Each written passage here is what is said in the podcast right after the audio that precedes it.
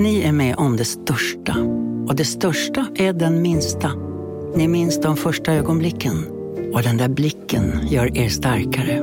Så starka att ni är ömtåliga. Men hittar trygghet i Sveriges populäraste barnförsäkring. Trygg Hansa. Trygghet för livet.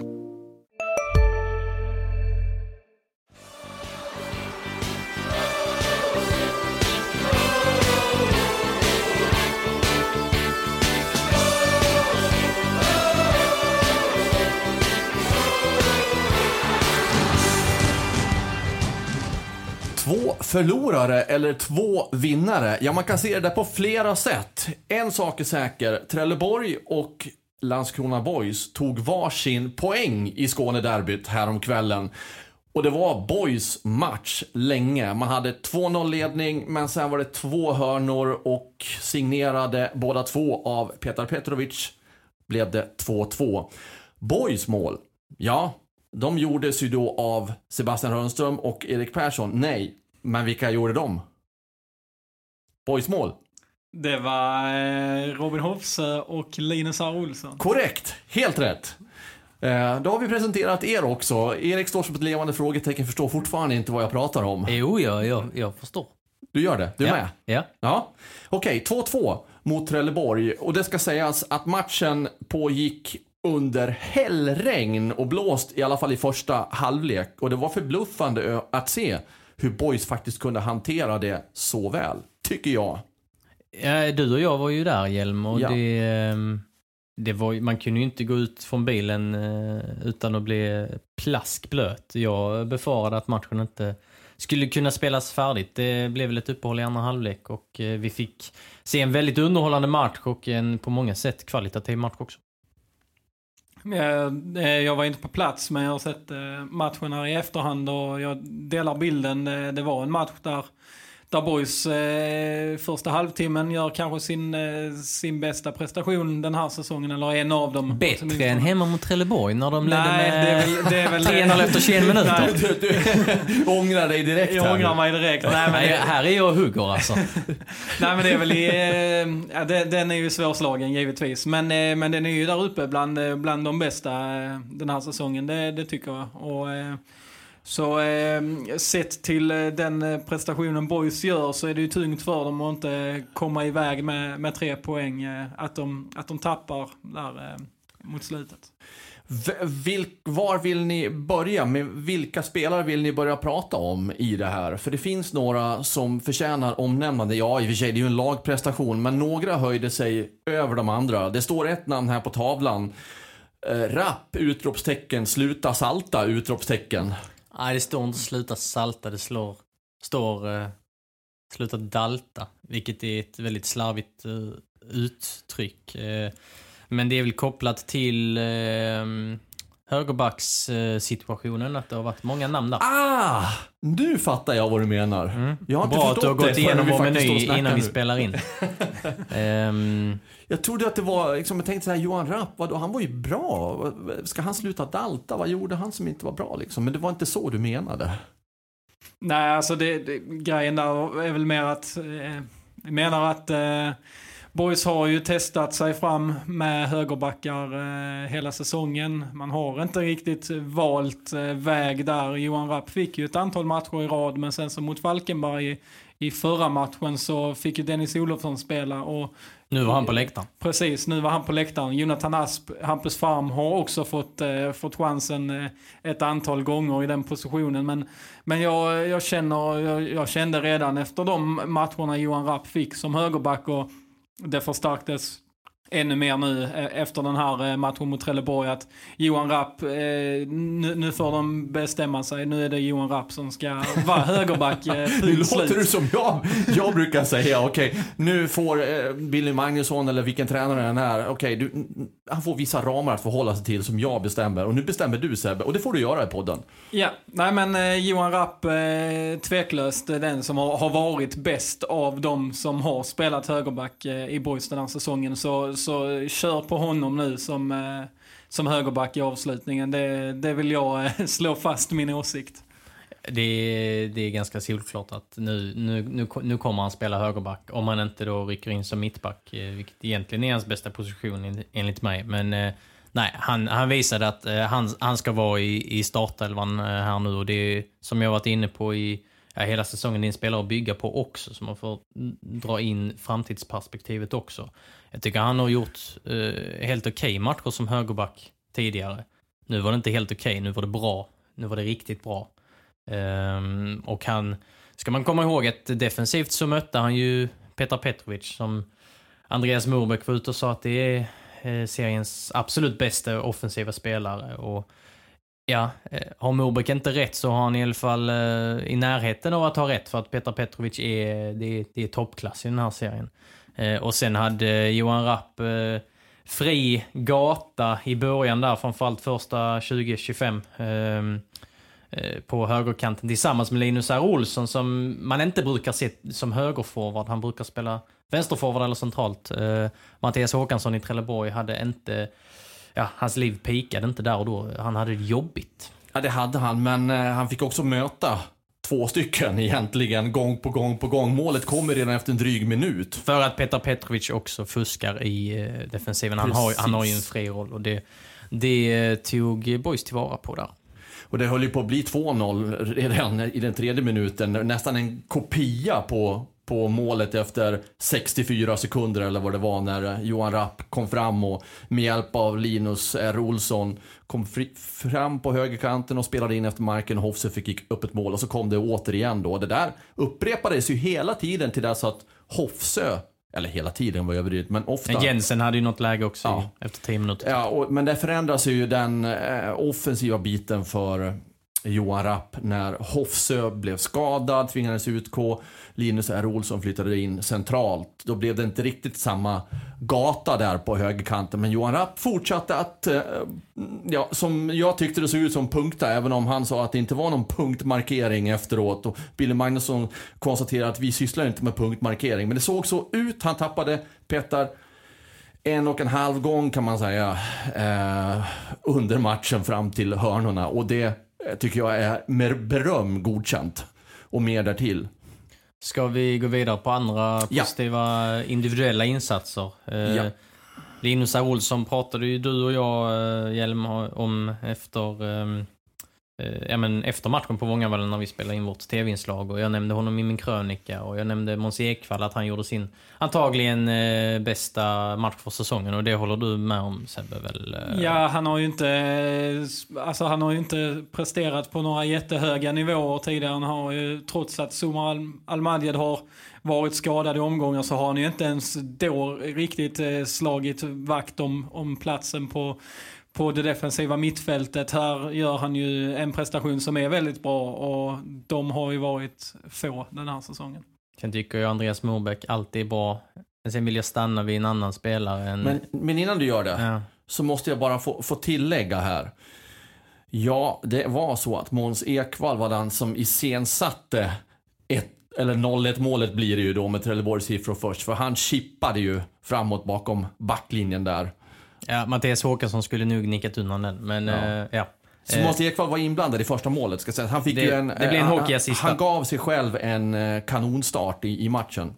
Nu ska du få prata vidare. Ja, men vi har ju pratat om avsaknaden av Somar Almadjed eh, under den perioden där han har varit borta. Eh, precis som Sebbe säger, de har inte hittat en ersättare. Nu gjorde Ekvall sin bästa match för säsongen. Men det hänger ihop med Melker Heijers bollskicklighet, trygghet, lugn, eh, ja, kompetens rakt igenom. Det, jag, jag tycker det är en ruggigt bra, bra spelare eh, redan nu.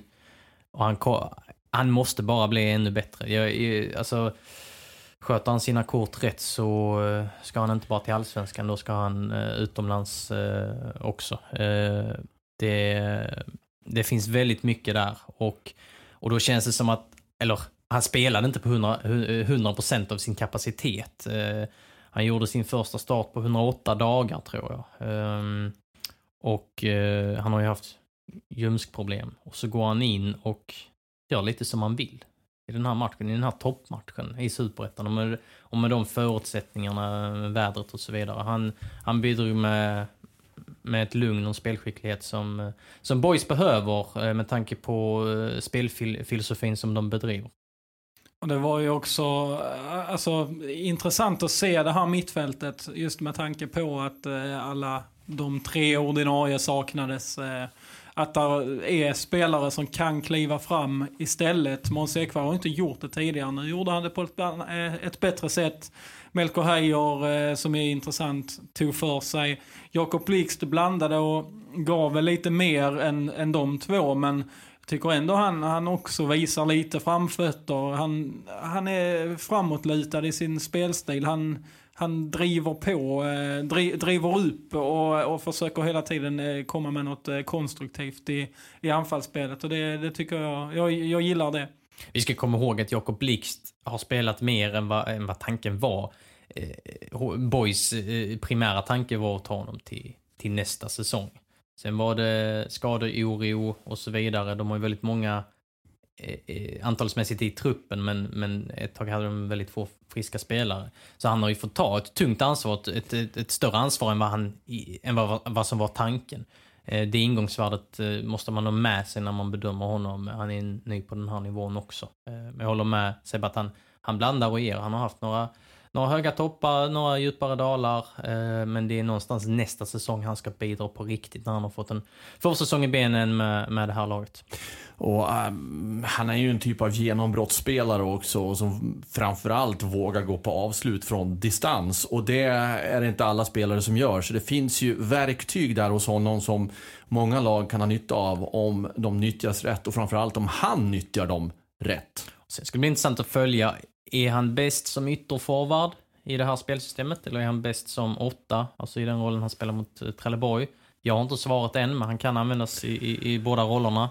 Eh, det ska bli spännande att följa på sikt vad han gör sig bäst. Det är också en, en viktig, alltså viktiga egenskaper han sitter på när nu Filip Olsson är skadad och, och inte spelar. Att, att man har en spelare med lite samma, samma ja, tendens. de driver ju boll, de transporterar dri, boll. Driva boll mm. och, och liksom tar ytor och, och tar sig framåt i plan och inte, som du säger Hjelm, inte är rädd för att, att skjuta heller. Utan att man, man får en spelare som ändå kan fylla den rollen som eh, Filip Olsson har. Det, det, det är viktigt när man som boys har en väldigt fast spelidé att, man, att ersättarna också kan, kan ta samma typ av roll. Eh, inte bara att man, man fyller upp rent eh, alltså, spelarmässigt eh, så, utan att man också kan fortsätta hålla sig till sin idé fast att man saknar bärande spelare.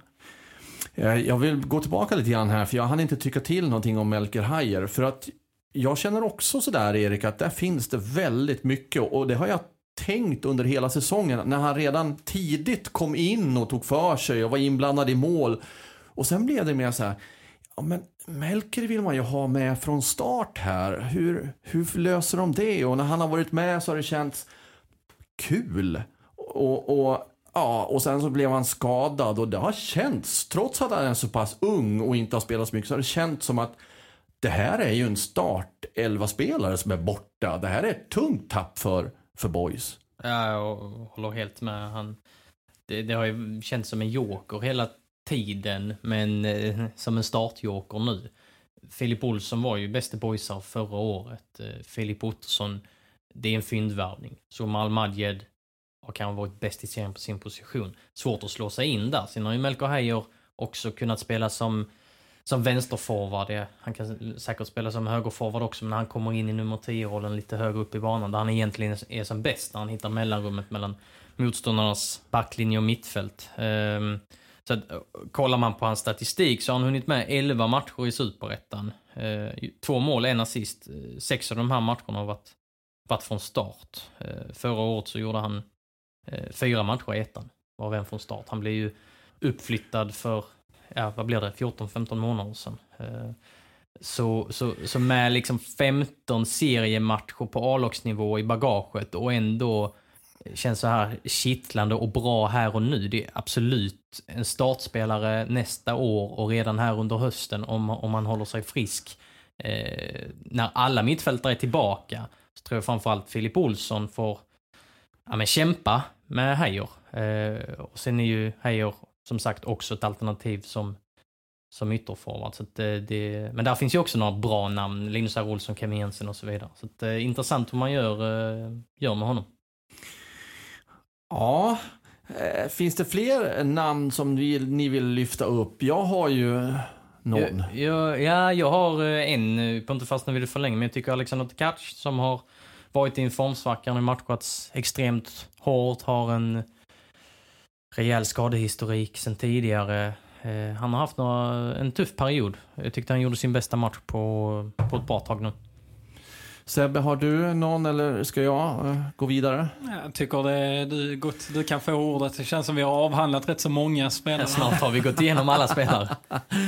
Nej, det har vi faktiskt inte. Vi har inte pratat om Filip Andersson. Filip Andersson, den ordinarie lagkaptenen, fick ju då starta mot Trelleborg och därmed så hamnade Viktor Wihlstrand på bänken. Och jag tycker Filip, Ol äh, Filip Olsson, Filip Andersson var bra. Okej, okay, han hade några, två eller tre passningar som han slog bort i vätan där. Det kan jag ha överseende med. Men i övrigt, det, det, jag tror att han, nu tror jag att de kommer att fortsätta med Filip Andersson. Känslan är att han har haft problem när han har startat matcher den här säsongen. Ehm, han har fyllt en stor funktion när han kommit in i många matcher tycker jag. Ehm, men han har haft eh, problem när han har startat. Ehm, vad det beror på eh, vet jag inte.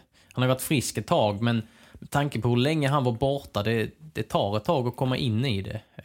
och jag tror att eh, 2022, det, det är då vi kanske får se den riktiga Filip Andersson igen. Och detta var ju ett steg i rätt riktning, den här matchen mot Trelleborg. Jag tror, jag tror Boys behövde se den här prestationen från honom och jag tror Filip Andersson behövde, behövde känna det själv också. Att han, han var där ute i en toppmatch i Superettan i 95 minuter och eh, var väldigt stabil. Och sen så är det så, jag kan inte läsa era tankar, ni som lyssnar på Landskrona Boys-podden nu, men eh, för mig går det i alla fall inte att komma runt eh, de målen som sker av Petar Petrovic och därmed så går det inte heller att komma runt eh, målvakterna i Landskrona Boys. Och, eh, eh, nu ska jag försöka framföra det här på ett sunt och rationellt sätt. Alltså Amer Kadura och Svante Hildeman. Hur mycket kan man kräva av dem i superettan? Och hur mycket kan man kräva av dem i en toppstrid i Superettan? Det vill jag ha med mig för det jag ska säga nu. Därför att man, man, man, måste vara försiktig där med kritiken och låta dem faktiskt få komma in i den här serien. Och allt det. Så att, att det kommer misstag, det, det förvånar mig inte. Det å andra sidan går inte att komma runt att de tavlor som de här två målvakterna har gjort kanske är det som blir skillnaden att nå allsvenskan, vilket inte har varit målet för Boys och inte.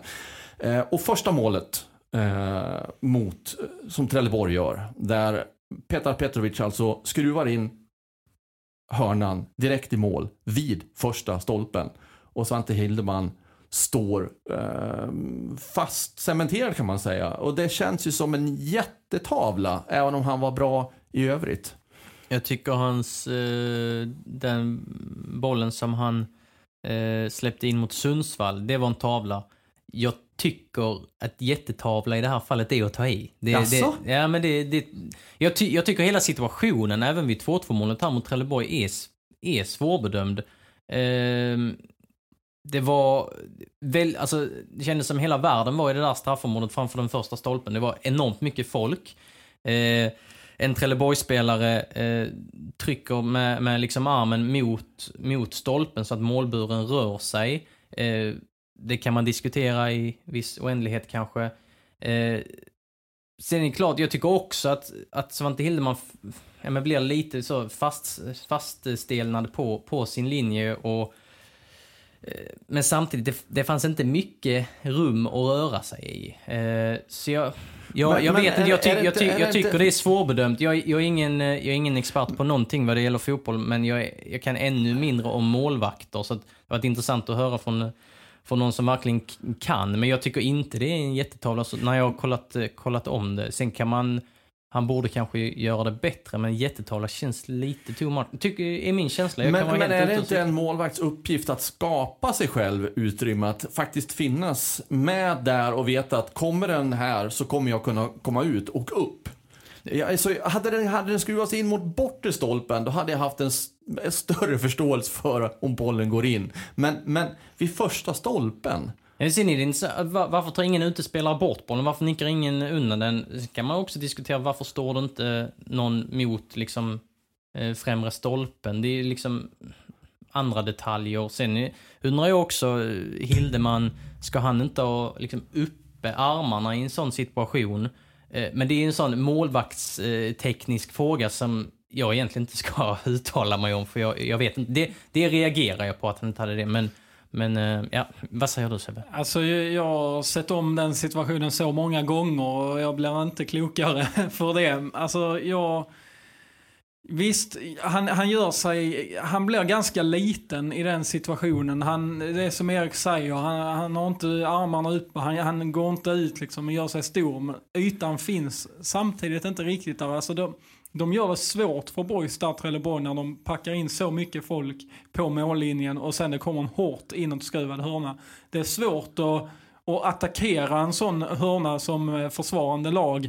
Och då, då eh, blir det ett, eh, ett problem för Svante Hildeman hur han ska agera just i den situationen. För ofta när, när det blir eh, den här typen av, av hörnor, lag som, som trycker in allt och alla framför målvakten eh, inne på mållinjen. Då, eh, I nio av tio fall så blir det ju avblåst eh, av domaren eh, för att det är någon slags kontakt, eh, något som stör, något som eh, eh, förstör för målvakten. Det är det ju inte i denna situationen, det är inga hörnor som ska bli avblåsta eller så, det tycker jag absolut inte. Men, men det, det är sällan den, den sortens hörnor leder till mål eftersom att det oftast är någon som, som rycker i någon eller så här och, och att det då blir avblåst. Nu, nu blev det inte det med all rätt, men och då gav det resultat också för eh, Trelleborg. Det är möjligt att, eh, det är möjligt att jag alltså, får eh, omvärdera det här och, och göra någon slags eh, pudel här och be Svante Hildeman om ursäkt offentligt. Det kanske är så, för att det kan ju vara så som du var inne på Erik, att egentligen så var det en, någon av de försvararna som, eller vem det nu kan ha varit, utespelare, som skulle ha gått upp och tagit bort den där. Och att Svante helt enkelt räknade med det. Att han inte skulle behövt vara någon backup även om han är målvakt. Jag vet inte det, men för mig såg det ut som en, kraftig tavla. men jag, jag kanske har fel där. Blir det mål på en hörna, sen var det här ett speciellt hörnmål, men i regel blir det, blir det, blir det mål på en hörna så är det ju eh, sällan det bara är ett fel. Man kan, man kan eh, leta efter fler detaljer som inte har klaffat i där. Så det kan man ju också eh, diskutera och vi sitter ju inte här på, på info eh, kring hur de styr upp eh, alla sina fasta si- situationer. Visste Boys att, att Trelleborg skulle komma med den här varianten? Visste de inte det? Vem skulle ta första ytan? Eh, var det någon, eh, någon eh, MSO-markering man mot man? Var det någon man skulle följa specifikt och så vidare? Där, där, där har vi inte alla detaljer. Det, det blir, eh, vi, vi kanske inte kommer någonstans i den här situationen för vi, för vi vet, eh, vi vet för lite. Jag, jag håller med Sebbe att det, det är svårbedömt. Man kan se, jag landar väl i att jag kan se liksom båda sidorna av det på något sätt. Eh, jag kan också se perspektivet att eh, Petrovic har en fantastisk högerfot och att det är en, det är en riktigt bra serve in. Eh, och jag landar i att jag tror definitivt att Boys hade koll på det. För hade man inte koll på att Petar Petrovic kan göra i Jo, det är klart man hade helst, koll på det. Då, Men då hur- är det ju konstig ingång Jo, men det, i det. det är klart man hade koll på det, men du, du förstår vad jag menar att vi vet ju inte exakt exakt vad de, eh, ja, men hur de, vad de hade för tankar kring hörnorna och jag har inte sett alla Trelleborgs matcher tidigare. Har de gjort exakt den här varianten tidigare? Och så vidare och så vidare. Eh, Ja, där får du uppgift till nästa eh, vecka att kolla upp alla hörnor som eh, Petar Petrovic slagit under säsongen. Ja, då ska jag analysera eh, division 4-laget eh, Viken från Ja. Åmål och deras fasta situationer. Det andra målet då, det vill jag inte lasta Svante Hildeman för. Men däremot de som är i närheten att, att inte Jaha, göra. nu passar det ja. Ja, men alltså. De är ju där. Ja men de var väl där innan också? De var väl där vid 2-1 också? ja, men... ja, men alltså, ja, jag vet inte. Den, den bollen eh, skarvas ju in. Av Isak. Jönsson, eh, en av eh, de nickstarkaste spelarna i serien ska vi ha med oss i den här bedömningen också tycker jag.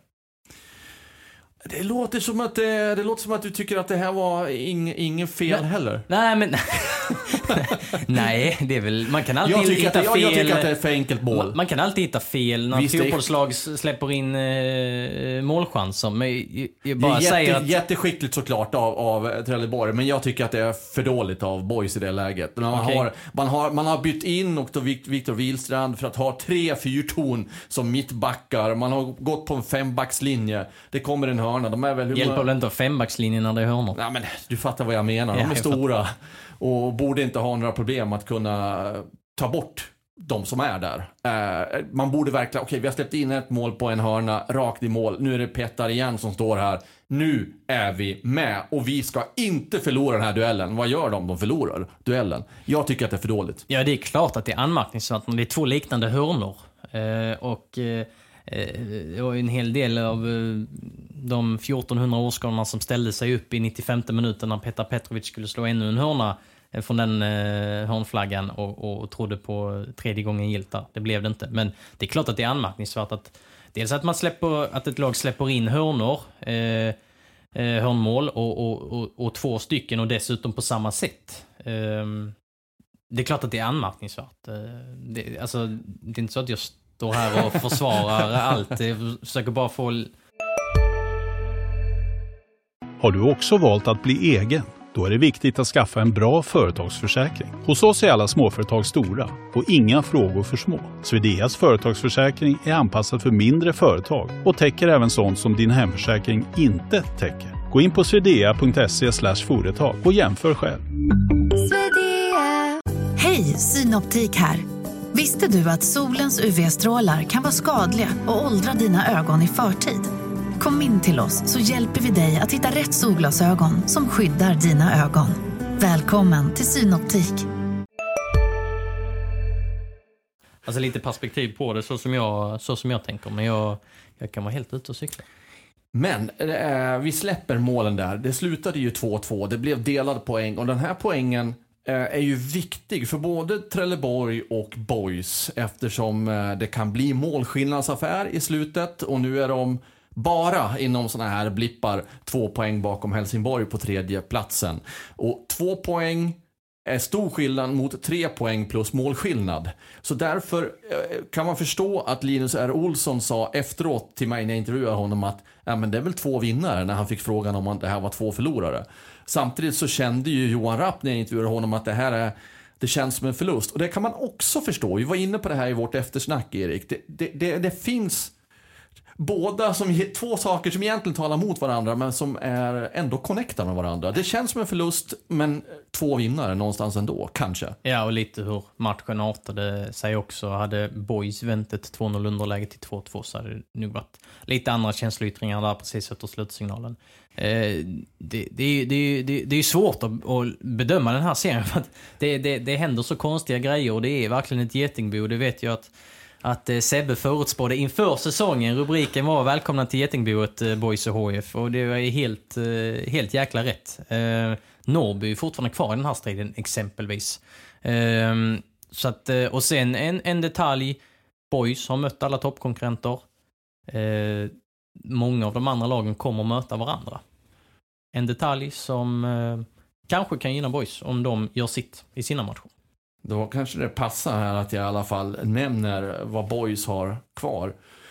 Nästa match är då efter uppehållet den 19 oktober. Den första hemmamatchen för Boys där det är full, full möjlighet för, för alla att ta sig till Landskrona IP som vill gå på fotboll.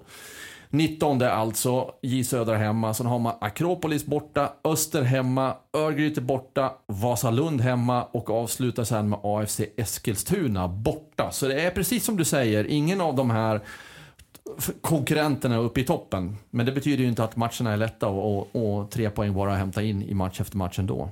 Nej, där är ju vissa av de lagen som, som slåss för sin överlevnad i, i Superettan också, så det är tufft tufft för boys. Men eh, tabelläget är det otroligt intressant här. Känslan har ju varit att boys har liksom hängt på en skör eh, tråd eh, länge här nu och man har eh, så som resultaten har utvecklat sig de, de senaste två månaderna kanske man kan säga så är det att man har nästan gått och väntat lite på eh, att, att eh, hoppet ska, ska försvinna här. Att eh, nu, nu det var sista chansen och, och där försvann den.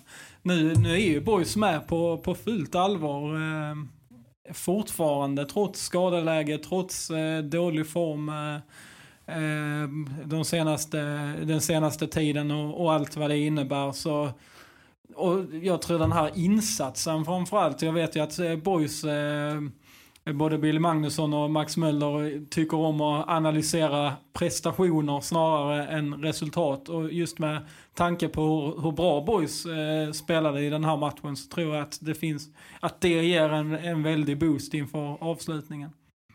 Ja, och, och nu ser ju skadeläget ut att ljusna också. Det hade varit kittlande att se eh, boys hela den här säsongen med exempelvis Zuma Al-Madjed, skadefri, Filip Ottosson, Filip Olsson och så vidare. Nu har det ju inte blivit så. så det och Erik Persson. Ja, och Erik Persson, inte, inte jag utan... Eh, nej, jag, nej. jag är frisk. Ja. ja, nej, men jag tror alla som lyssnar på det här vet vilken Erik Persson vi syftar på. Ja, men K är. Ja. Uh, han är ju inte, inte tillbaka uh, än. Robin Hoffs uh, klev ju av efter 25 minuter som du var inne på Hjelm. Uh, prognosen är att han ska kunna vara tillbaka i full träning nästa vecka. Eh, Filip Ottosson eh, siktar på, på J Södra. Eh, Somal Madjed likaså. Eh, Filip Olsson pratar jag med eh, här precis innan. Just det, han skulle ju ha någon eh, röntgen. Vad är det för dag idag? Det är torsdag. Skulle väl uh, checkas där i tisdags, men det blev igår, onsdag. Okay. Uh, jag ringde honom här under torsdag, torsdags eftermiddag. Då hade han inte fått besked. Trodde att han skulle få besked Eh, Eh, imorgon fredag eller på måndag. Och är det grönt ljus där, eh, är det inga alarmerande utslag så, så, så lär han eh, vara tillbaka i full träning nästa vecka och troligtvis med sikte på j matchen då också. Sen har vi Viktor Ekblom som missar matchen mot Viken nu i Svenska Kuppen. Det var ju tal om att han kanske skulle kunna göra comeback då, men så blir det inte. Ljumsk-bekymmer. Han siktar också på comeback mot Jönköping. Och jag eh, ringde upp eh, Viktor faktiskt. Eh, han berättade att han eh, eh, han har ju pluggat till gymnasielärare tidigare. Eh, pausade det lite för att det blev så mycket med fotbollen och eh, har nu ett vikariat på en högstadieskola i, eh, i Landskrona och flyttade till Landskrona typ på dagen när lånet med IFK Malmö tog slut i, i somras. Och Ja, men han berättade lite om eh, var han står och hans första säsong på, på elitnivå har varit. Och, ja, min första centrala fråga till honom var eh, hur kroppen mår. Kroppen mår, eh, mår bra. Jag har haft lite nu. Han fick en bristning i ljumsken i den där u matchen mot Kalmar. Så det är cirka tre veckor sedan ungefär. Ehm, men det mår bra nu. Jag har jobbat på med bra med rehab med Thomas och kört med Macke också på träningarna. Ehm, kört på bra så att tanken är väl att eh, jag går in i full träning nästa vecka. Okej, okay, så det, det, är inte aktuellt med spel mot Viken? Nej, det blir lite för tajt. Jag har inte gjort en full träning än. Och sen har vi haft så här mitt i veckan matcher, så vi har hatt lite anpassat träningsschema nu på veckorna också. Så att, uh, vi kom överens om att det är bättre att stega långsamt och, och är helt redo till, till J Södra-matchen förhoppningsvis. Hur, hur liksom har, har den här skadeperioden varit? Eh, blir det ungefär en månads frånvaro? Ja, så det har varit tufft. Jag, som jag sa innan jag började jobba nu, pausa plugget, så det har varit långa dagar. Eh, det har varit varje morgon och summas vid sextiden och sen eh, jobb mellan åtta och tre och sen direkt till träning. Så det, det har varit långa dagar men, men, nej, men alltså det, det, det rullar på. Jag har skött, det bra och sen har jag kunnat människor runt mig. I Thomas och Macke och, och förstående tränare som, eh, som eh, Nej, det har inte varit en press alls utan bara se till att bli frisk och komma tillbaka hundra. Så det, det är kanon. Och bara så alla lyssnare med. Thomas Mårtensson är alltså, eller Thomas är Thomas Mårtensson, sjukgymnasten och Macke ja, precis, är Marcus Nilsson, naprapaten. Exakt, ja, exakt. Ja. Eh, när vi pratade eh, i vintras när du var färsk i, eh, i Boys, då, hade du, Mm. ja, då mötte du ju bara storklubbar, IFK Göteborg och Malmö FF och du, och du blev skadad eh, i dem. Eh, Ja. Sen så har du ju varit mer frisk än skadad känns det som. Eh, Ja, absolut. absolut. De där, alltså, jag sa det nu, jag, det var ingenting jag kunde påverka de där skadorna utan det var liksom två tacklingar, två benbrott. Och nu när jag fick en muskelskada, det är ju inte, hör inte till vanligheterna. Så tänkte jag att men jag ska vara så smart jag bara kan och inte stressa någonting. Även fast vi, vi var i en liksom, prekär situation med laget och många borta och sådär. Men det känns som en muskelskada är bättre att man, eh, man eh, ser till att bli riktigt hundra så att man inte får de här återfallen. Speciellt nu när det är så sargade i laget. Så att, eh, ja, det var viktigare att fokusera hundra på den. Men hur har säsongen varit i sin helhet? Och, eh, trots en del skadeproblematik, men eh, första, första säsongen eh, för din del först i ettan under våren i IFK Malmö och sen i, Mm. i Superettan med Boys. Hur har det varit? Det som du sa, det var en speciell försäsong där det blev liksom, vad blev det sammanlagt 10-12 veckor liksom på cykeln med brutna ben. Så det var inte, det var inte den bästa starten jag hade hoppats på kanske. Men eh, sen efter det var det en liten period där eh, Eh, med IFK Malmö där jag, fick bevisa mig där också som jag har fått göra överallt jag har varit. Eh, det var inte mm, jag hade ju inte bevisat mig i ettan ens innan så det var, eh, jag fick jobba mig in i laget där på ett ganska naturligt sätt och sen, sen flöt det på bara när jag kom in och, fick starta lite matcher och då rullade även poängen in. Och, nej, men vi kom väl upp till en bra tabellsituation med IFK Malmö och det kändes bra där. Men sen var det inte ingen hemlighet att jag ville till Boys på sommaren. Och det var det jag strävade efter hela tiden. Och sen turligt nog så, så blev det så. Um, och sen nu här i Boys har det varit Uh, ja, som sagt, jag var, ju, jag var beredd på att uh, slita, slita för mina chanser och ta dem när de kom och lite så har det väl blivit. Uh, jag har väl haft lite mer stolpe ut än stolpe in i alla fall i boys men uh, jag tycker ändå att jag har spelat på en uh, ovan position som jag aldrig har spelat innan. tycker jag har gjort det bra. Uh, och sen uh, har jag fått några chanser som ni har också och tycker där uh, har det hänt, hänt saker och varit intressant och jag känner att jag har väldigt mycket att bidra med. Så att, eh, bra smakprov och eh, redo för att fortsätta på samma spår. Ja, två benbrott där alltså. Du får nog eh, hjälpa mig och kanske några av er som vill eh, friska upp minnet. Fick han, spela han match med ett benbrott? Och, och drog på sig ytterligare ett benbrott? Nu, nu ska jag förklara här, ni som inte minns eh, vad jag skrev den 16 april. Det förstår jag om ni inte kommer ihåg. Eh, det var ju under, under försäsongen när Viktor Ekblom i, i första matchen för året spelade med IFK Malmö i en träningsmatch mot Malmö FF. Och fick då en fraktur i höger underarm. Spelade vidare lite, eh, sen visade det sig att det, ja, det gjorde väldigt ont och han var borta ett tag och sen så mötte han IFK Göteborg med boys. Han mötte bara tunga, tunga eh, klubbar och då bröt han vänsterhanden. Ehm, så det är de, eh, de skadesmällarna som, som präglade hans eh, försäsong. Så att han har haft lite, lite skadeproblem men ändå varit no, något av en frisk fläkt i, i ett par boysmatcher. och, Ja, Tack, då, då hänger jag med. Och jag noterade också att han sa att det har varit stolpe ut istället för stolpe in. Och det är sant, han har inte haft, och jag tycker inte om att använda de här marginalerna, han har inte haft, eh, vad kan man säga istället? Han har inte haft centimeterna på si- sina han centimeterna på sina han hade väl ribba ut i, i någon match med ett fantastiskt skott när han vek in och så. Har han inte haft något stolpskott också? Det har han säkert. I U21-laget känns det som att han har gjort mål mest eh, hela tiden. Så där har han levererat i alla fall. Och han gjorde väl mål ungefär i snitt varannan match, tror jag, i, i IFK Malmö i ettan.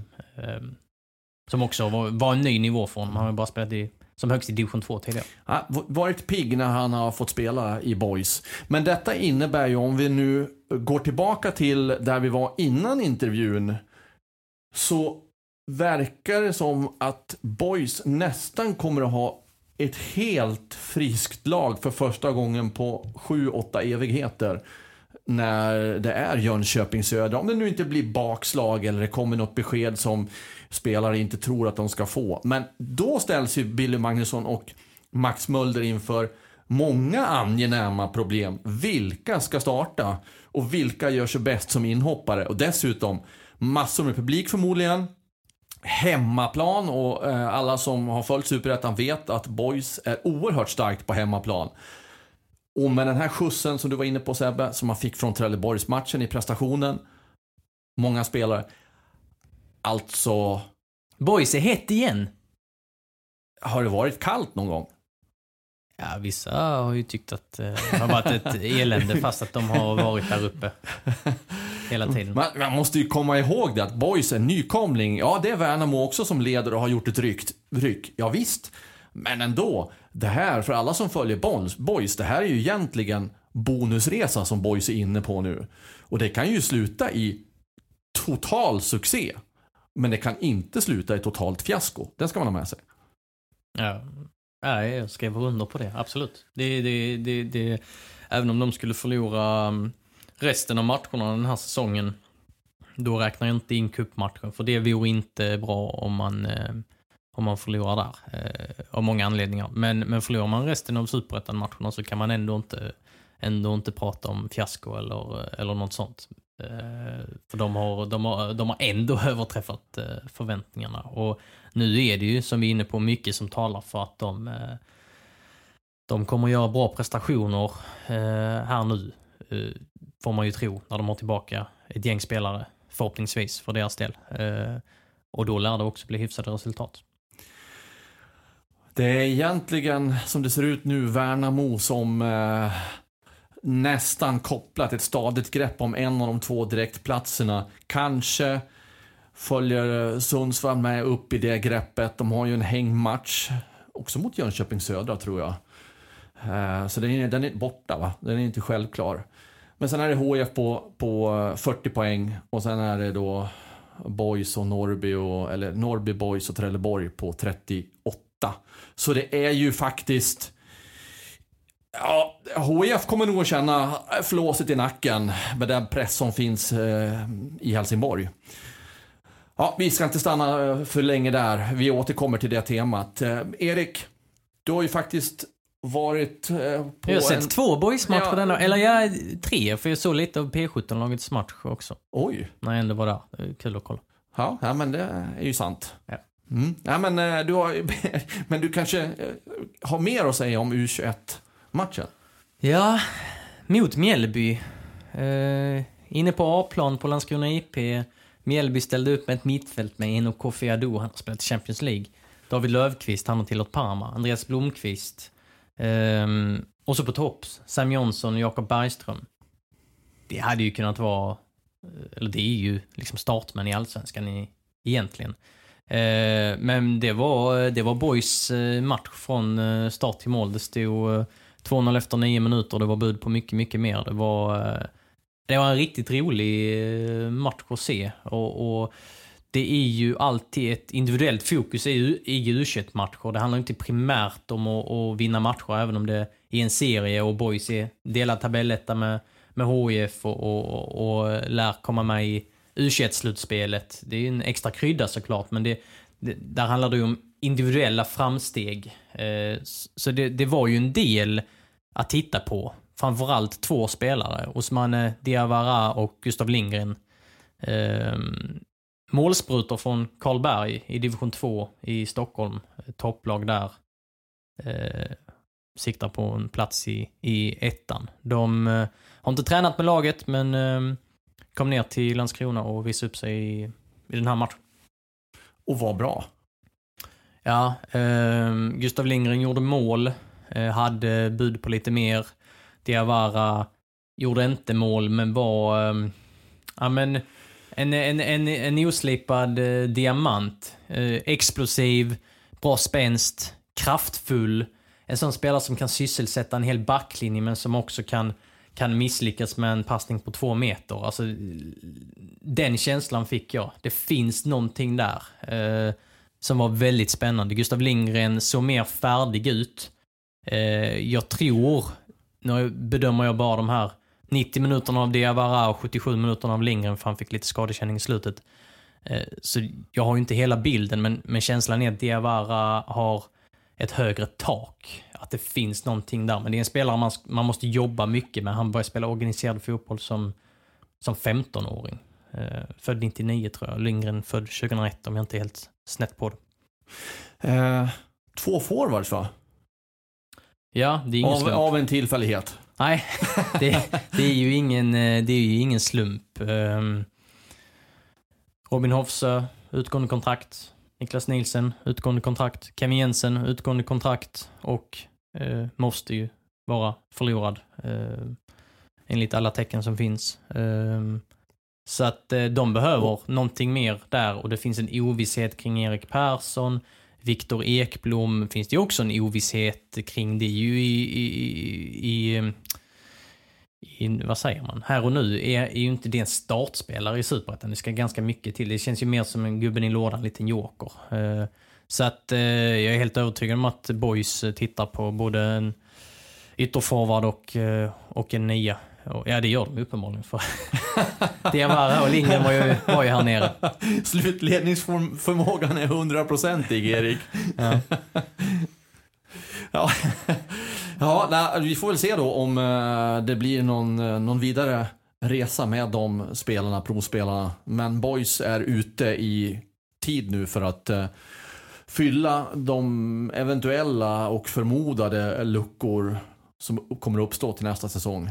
Mm, precis, så man har ju testat Zacharias Faur, den tidigare stortalangen som varit Manchester City bland annat, och Sirius och Öster och Oskarshamn och Portugal och överallt har han varit. Lämnade assyriska Torabdin i, i somras och gjorde en u match för några veckor sedan. Ehm, ehm, Så att eh, de har, eh, de, de, eh, de har några spelare under lupp. Och sen har de ju unga spelare också som det finns en annan som har koll på i Boys.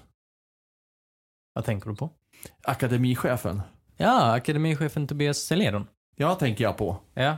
Eh, ja, då kan vi ju avslöja här i Landskrona Boys-podden att Tobias Seledon kommer till Landskrona Boys-podden eh, nästa vecka. Jag ska träffa honom och göra en intervju. Ah, så, ehm, ni Bra det. där, bra förberett Erik.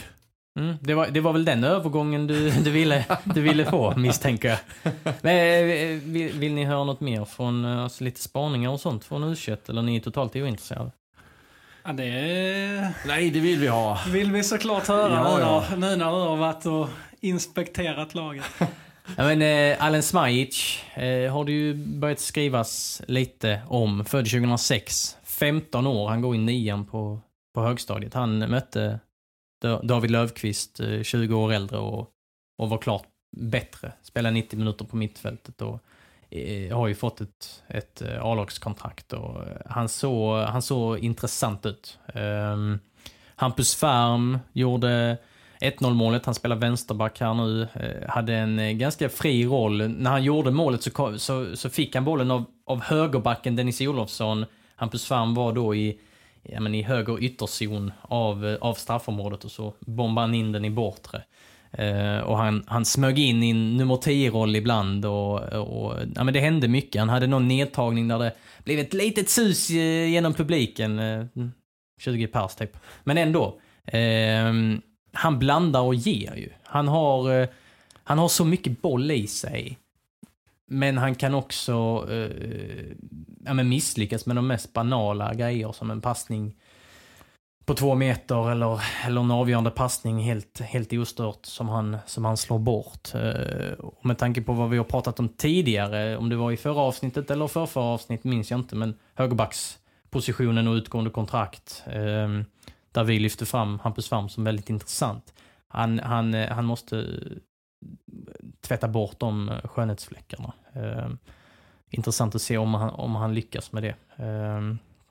Eh, Passy Prudence eh, gjorde comeback nu, hade, hade problem med passningsspelet och, och känns väl ganska tydligt att Allen Smajic faktiskt går före, går före honom nu och Emil Jönsson gör också det. Tack för de spaningarna, Erik. Det kommer en cupmatch, Sebbe. Mot Viken i, inte Viken i, inte Viken i Viken, utan Viken i Åmål. Eh, det är ett division 4-lag här som, eh, som Boys eh, har lottats mot. Den matchen skulle ju spelas eh, tidigare i år, men det blev ju ett rejält eh, regnoväder då, så den sköts fram eh, nu, till, nu till på lördag. Eh, ja, division 4-lag tänker man ju spontant att ja, det ska väl väl Boys städa av ganska enkelt. Om man, eh, ja, är det några spelare som är lite så tveksamma och så, så lär ju inte de spela i den här matchen. Men, men eh, det är ju också en match som, som Boys inte får, eh, får slarva bort här. Vi har ju sett många lag genom historien och i nutid som, som har trampat snett i den här kvalmatchen in till gruppspelet och sen så blir det inte en lika rolig försäsong utan eh, tävlingsmatcher och, och chans till vidare avancemang i kuppen så, så eh, den är viktig. Mycket viktig eh, match eh, för boys eh, trots att eh, det är ett beskedligt motstånd. Om man nu inte vill åka till Åmål och Dalsland då? Hur, hur gör man då för att se matchen? Då antingen har man eller så skaffar man sig ett eh, premiumabonnemang på, eh, på hd.se för eh, det är vi som sänder matchen. Aha! En gott eh, godisbit där. Det blir det absolut. Så surfa in där på lördag eftermiddag så, så kan ni se matchen. Okej, okay, då fick vi med den eh, promoten också. Har vi missat något? Antagligen. Ja, men inte som ni känner att uh, ni vill prata om. Lite kopplat till den här cupmatchen uh, så ska det bli intressant. Uh, exempelvis vem som vaktar målet. om Kamil Jebara och Alen Smajic, ungtupparna, får speltid. Jag tror att det är aktuellt. Jebara spelar bara en halvlek mot mot Mjällby u matchen exempelvis. Niklas Nielsen också. Man har inte jättebefolkat där nu när Hofse och Ekblom och Persson och så vidare är borta. Eh, så intressant att se om man eh, kör någon form av rotering eller om man, om man eh, verkligen kör det ja, men mest slagkraftiga och, på pappret bästa laget. Det är ju, vad blir det, tio dagar till nästa match så, så de, de behöver inte slita ut sig allt för mycket om, om de som st startade mot Trelleborg även startar nu. Ehm, så det är, mm, om man kan tyda några signaler och mönster där i startelvan så ser jag fram emot att försöka hitta dem. Okej. Okay. Vi ser fram emot att få, eh, jag kan inte säga se er eller höra er om en vecka igen eller två i Landskrona Boys-podden. Men vi ser fram emot att eh, höra av från er. Har ni frågor? Tycka till om vi pratar gegga eller uh, någonting annat ni vill dryfta om så hör av er till oss så ska vi försöka besvara era frågor. Och missa då inte nästa veckas specialavsnitt av Landskrona Boys-podden där alltså Erik Persson träffar akademichefen Tobias Selidon. Alltså jag då, inte Erik Persson med K. Nej, precis. Upprepa det igen. Det där, det där är ett dilemma. Att ni har så lika lika namn. Ja, väldigt lika till och med. Ja, eh, men nu, nu ska vi inte jag babbla mer. Eh, vi tackar för att ni har följt oss den här veckan och eh, ta vara på resten av den här veckan nu så eh, säger vi så. Hej!